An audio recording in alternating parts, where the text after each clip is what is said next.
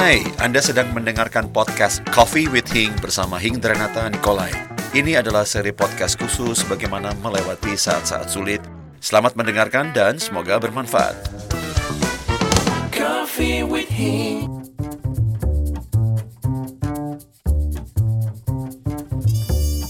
Halo semuanya, salam berjumpa kembali dengan saya Hing Dranata Nikolai dalam podcast Coffee with Hing.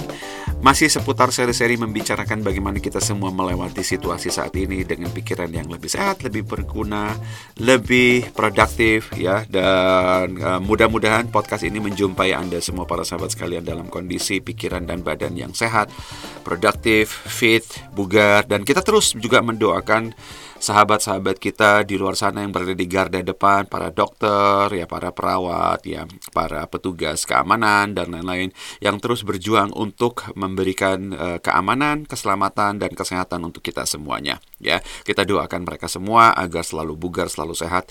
Nah, hari ini saya mau uh, cerita sedikit mengenai sebuah dongeng nih. Jadi ada sebuah dongeng yang saya baca di sebuah buku tadi pagi saat saya bolak-balik berbagai koleksi buku saya. Uh, dongeng ini langsung muncul kembali. Dongeng sangat-sangat pernah populer sekali di sekitar mungkin 10 tahun lalu uh, sempat-sempat populer dongeng ini di antara para pembicara ya. Uh, dan uh, ini menyangkut dua orang uh, yang sedang berjalan melewati sebuah perdesaan gitu ya. Dan kita pakai sedikit sound effect supaya terkesan sedikit dramatis oke? Okay? tersebutlah dua orang uh, sahabat yang sedang berjalan melewati sebuah perdesaan ya. Dan seseorang di antara mereka tiba-tiba uh, mengatakan pada sahabatnya, eh, shh, coba berhenti sejenak, gitu ya. Kamu dengar nggak suara itu? Nah, suara apa kata temannya? Suara jangkrik katanya. Dan setelah itu berduanya berhenti, ya, dan langsung menoleh kiri kanan sejenak untuk mencari suara, mendengarkan suara. Dan temannya yang tadinya tidak mendengar suara jangkrik pun akhirnya mendengarkan dan mengatakan seperti ini. Wow, suaranya itu kecil sekali dari mana tadi kamu berhasil mendengarkan? Kok saya nggak dengar ya? Kayak gitu, ya. Dan setelah itu mereka berdua kembali melanjutkan perjalanan dan temannya yang tadi tidak mendengarkan suara jangkrik masih uh, dengan penuh keheranan dan juga kekaguman kepada temannya bertanya kembali. Kok kamu bisa dengarkan tadi ya suaranya itu kecil sekali gitu loh. Dan untuk menjawab ini uh, sahabatnya tadi mendengarkan suara jangkrik tadi mengambil sekeping koin Lalu sambil berjalan mereka bertemu dengan sekelompok uh, orang yang juga sedang berjalan. Dari belakang mereka uh, kedua anak muda ini ya jadi sahabatnya yang memegang koin tadi langsung segera itu melemparkan koin tersebut ke jalan. Jadi dia lemparkan koinnya dan bergelindinglah koin tersebut menyentuh jalan dan serta merta sekelompok uh, orang yang sudah berjalan di depan mereka tadi langsung menoleh ke belakang untuk mencari sumber suara tersebut. Nah, sahabat yang tadinya tidak mendengar suara jangkrik langsung menoleh kepada temannya. Maksud kamu apa ya? Nah, para sahabat sekalian, apa maksudnya story ini? Mungkin Anda sudah uh, ada yang sudah pernah mendengar ataupun ada yang baru pertama kali mendengar kita sebetulnya hanya mendengarkan apa yang ingin kita cari ataupun ingin kita dengarkan dalam hidup ini gitu ya. Karena uh, sensitivitas pendengaran maupun penglihatan kita itu sangat tergantung dari apa yang sebetulnya ingin kita cari. Ya. Nah, dalam situasi seperti ini kalau Anda perhatikan tadi contoh dari cerita sederhana tadi ya dalam situasi pernah mungkin Anda mengalami bahwa dalam situasi tertentu Anda tidak mendengarkan sebuah suara tetapi orang lain di sekitar Anda mendengarkan gitu ya. Memang uh, sound wave uh, dalam beberapa usia untuk frekuensi tertentu memang uh, tidak terdengarkan lagi dengan baik ya. Ini dibuktikan secara sains. Uh, usia-usia di atas 30 mendengarkan sound wave tersendiri 40, 50 dan seterusnya. Jadi ada beberapa gelombang suara secara frekuensi yang tidak lagi secara sempurna didengarkan oleh usia-usia tertentu gitu ya.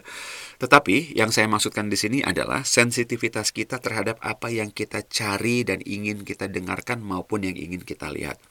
Nah, dalam cerita sederhana tadi Anda lihat suara jangkrik hanya didengarkan oleh seorang temannya yang mungkin pada saat itu hendak menikmati situasi pedesaan dengan berbagai suara-suara yang indah di sekelilingnya dan dia pun mendengarkan suara jangkrik ini walaupun samar-samar. Sementara tadi mungkin temannya tidak tentu saja tidak ingin mencari suara jangkriknya tetapi dia mungkin sedang pikirannya penuh dengan hal-hal lain-lain. Nah, sementara saat mereka melemparkan koin di belakang sekelompok anak muda yang sedang berjalan, koin tersebut eh, sangat terdengar dengan jelas. Ya, kalau ya ibaratnya kita mengatakan bahwa maksudnya sekelompok anak muda tersebut mata duitan misalnya ya itu kesimpulan yang uh, tentu saja polos lugu tetapi intinya adalah kalau pikiran Anda tidak fokus kepada satu hal, akan sulit untuk Anda mendengarkan atau melihat hal-hal yang berhubungan dengan itu. Sementara kalau Anda sangat peka terhadap satu hal, sangat cepat Anda juga untuk mendengarkan maupun melihat hal-hal yang berhubungan dengan itu. Ya, jadi dalam situasi kita, virus-virus belakangan ini, Anda tahu bahwa hal-hal yang membuat kita sangat peka, secara sadar atau tidak, kita lebih banyak akan mampu mendengarkan hal-hal yang berhubungan dengan kepakaan itu. Jadi dalam keadaan misalnya ketakutan dan sejenisnya, Anda cenderung juga akan mencari informasi yang berhubungan dengan ketakutan itu. Bukan tidak ada informasi yang lain, bukan tidak ada informasi ataupun suara maupun hal-hal yang bisa dilihat yang jauh lebih berguna, tetapi karena Anda memang fokus mencari informasi-informasi yang mendukung ketakutan Anda gitu ya. Dalam podcast-podcast sebelumnya saya sering mengatakan bahwa kita tidak menganggap remeh situasi, kita sama sekali tidak menganggap bahwa ini tidak beresiko. Uh, tetapi kita juga tidak ingin supaya hari-hari kita juga terperangkap dalam situasi ketakutan gitu ya. Para sahabat sekalian, kita ingin bisa menghadapi situasi-situasi ini jauh dengan lebih uh, cerdas, lebih tenang, lebih fit, lebih sehat secara pikiran dan badan. Dan tidak berguna kalau kita sangat-sangat ketakutan mengenai virus ini, tetapi saat virus ini berhadapan dengan kita, kita pun dalam keadaan panik, takut, ya badan tidak fit, ya dengan berbagai over panic dan lain-lain, imun kita tuh akan drop juga gitu ya. Jadi uh, kalau misalnya uh, dengan situasi seperti ini kita terus-menerus hanya mencari sumber informasi yang mendukung ketakutan kita, ini membuat kita sendiri sebetulnya overloading dengan informasi ketakutan tersebut ya. Jadi kita uh, lebih banyak akan memilih berbagai informasi uh, yang memang saat ini state of mind pikiran kita fokusnya ke sana ya. Dan apakah bisa kita ganti fokus? Ya, tentu saja kita bisa ganti fokus. Ya, jadi ini sangat tergantung dari apa yang ingin Anda cari. Dalam situasi seperti ini, misalnya ada orang yang akhirnya mencari peluang di tengah berbagai ketakutan orang lain, mereka sibuk mencari peluang, apa yang bisa mereka kerjakan, yang bisa mereka lakukan, yang bisa mereka karyakan, dan lain-lain. Nah, kalau Anda sibuk mencari peluang, yang tampak oleh Anda lebih sering juga adalah peluang misalnya. Dan kalau Anda ingin mendengarkan ide-ide yang menyehatkan pikiran, misalnya, Anda juga akan lebih banyak peka terhadap sumber informasi yang juga menyegarkan pikiran Anda dan perasaan Anda, misalnya.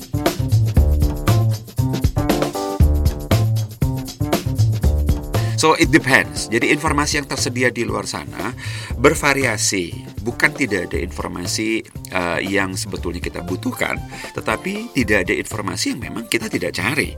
Kalau kita tidak sengaja mencari sumber informasi tersebut, kita juga tidak akan peka saat bahkan itu muncul di depan kita sekalipun. Ya, jadi butuh uh, kepekaan kita dan butuh kita untuk mau dan bersedia menggali dan mencari sumber informasi tersebut gitu ya. Karena mata kita, telinga kita itu sebetulnya melihat apa yang diarahkan oleh pikiran kita. Jadi kita sebetulnya melihat bukan dengan mata tetapi dengan pikiran. Kita tidak mendengar dengan telinga tapi mendengar dengan pikiran. Jadi karena itu kita sebetulnya melihat dan mendengar secara selektif gitu. Dan ini tidak disadari oleh orang-orang umum, orang-orang awam yang tidak memahami fungsi pemikiran atau fungsi otak manusia ini secara menyeluruh gitu loh. Jadi kalau saya tidak mendengarkan sesuatu, saya akan bilang itu nggak ada.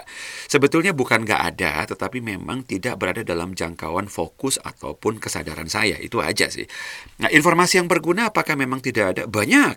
Tetapi itu terhimpit di antara berbagai informasi-informasi yang memang selama ini kita lebih cari. Kita lebih gali dan kita lebih explore. Misalnya informasi yang mendukung tadi ketakutan kita, kepanikan kita, dan lain-lain.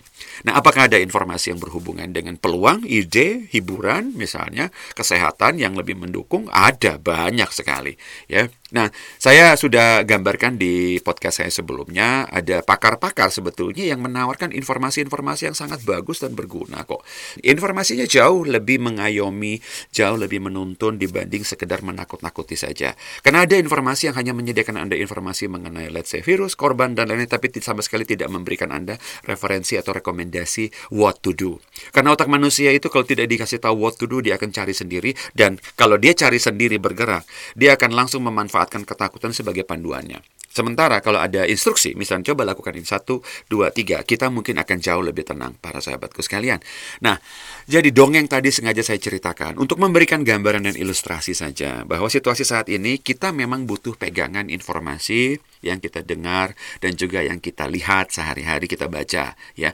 Dan kalau memang kita tahu bahwa ternyata otak kita bisa mengarahkan apa yang kita dengar, yang kita bisa lihat, yuk rame-rame cari informasi yang jauh lebih bermanfaat lah, yang jauh lebih menenangkan kita sehingga kita siap secara fisik dan juga mental untuk menghadapi apa pun di depan kita. Ingat sekali lagi saya pesankan kita perlu kebugaran uh, fisik dan juga kebugaran mental untuk menghadapi situasi saat ini. Ya, jadi bukan cuman uh, menghadapi situasi saat ini ya per se gitu ya, tetapi juga kita juga harus siap segera setelah krisis ini selesai dan kembali lagi ini akan selesai ya, kita akan seperti apa situasinya setelah itu. Ya, apa yang telah kita hasilkan dalam situasi krisis ini yang bisa kita bawa menyeberang ke situasi setelah krisis. Dan ini semua membutuhkan kewarasan, kesiapan fisik dan mental mental, ya kan? Sehingga pada saat kita menyeberang nanti, kita tidak lagi saat itu ingin titik start, tetapi kita sudah curi start hari ini juga. Jadi dibandingkan dengan orang-orang yang tidak siap secara fisik dan mental, kita sudah jauh lebih siap secara fisik dan mental. Jadi yuk, mari kita sama-sama sehatkan pikiran kita, tidak cuma sehatkan badan kita, karena saat ini kita memang sangat memperhatikan kesehatan fisik, ya, tetapi kita lupa dengan kesehatan mental kita ini. Ya, jadi uh, mudah-mudahan uh, informasi singkat dongeng singkat tadi cerita singkat tadi mengenai dua sahabat yang berjalan dengan jangkrik dan koinnya tadi bisa memberikan sedikit pencerahan. Ya, carilah, yuk, yuk cari informasi yang jauh lebih menyegarkan pikiran. Ya, kalau anda bilang itu tidak tersedia dari pakar-pakar yang sudah anda cari, ya silahkan menghibur diri, memberikan lonjakan kebugaran untuk mental kita yang akan mensupport fisik kita at the end, gitu ya. Jadi tidak saja melakukan hand sanitizing, body sanitizing, tapi juga mind sanitizing kembali lagi, gitu ya. Ya cuci-cuci pikiran kita, segarkan pikiran kita, sehatkan pikiran kita sehingga fisik kita pun ikut terbantu gitu ya. Di dalam tubuh yang sehat terdapat jiwa yang sehat, jiwa yang sehat terdapat tubuh yang sehat ya. Dalam dunia NLP, dunia saya neuro linguistic programming, pikiran dan tubuh itu adalah satu kesatuan. Yuk dukung sehat kesehatan badan kita sendiri dengan pikiran yang juga sehat dalam terutama dalam situasi-situasi seperti sekarang ini ya. So, uh, kembali lagi, yuk kita doakan sama-sama semoga situasi uh, keluarga kita uh, uh, tim kita, masyarakat, uh, negara kita, bangsa yang tercinta ini, Indonesia, uh, dan juga seluruh umat manusia di seluruh dunia. Semoga situasi ini cepat-cepat pulih kembali sehingga kita bisa beraktivitas kembali. Dan kita juga doakan berbagai petugas kesehatan di luar sana, ya petugas keamanan di luar sana yang bertugas di garda depan. Semoga mereka juga semua selalu sehat, selalu fit, dan selalu siap untuk berkarya. Ya, meanwhile kita kita saat ini entah yang di rumah ataupun yang di kantor ataupun yang sedang melayani masyarakat, yuk stay fit, stay healthy, stay strong dan selalu pesan saya supaya Anda bisa selalu stay fit, stay healthy and stay strong. Yuk kita stay productive. Nah, demikian Coffee with King kali ini. Sampai jumpa di Coffee with King berikutnya. Bye bye.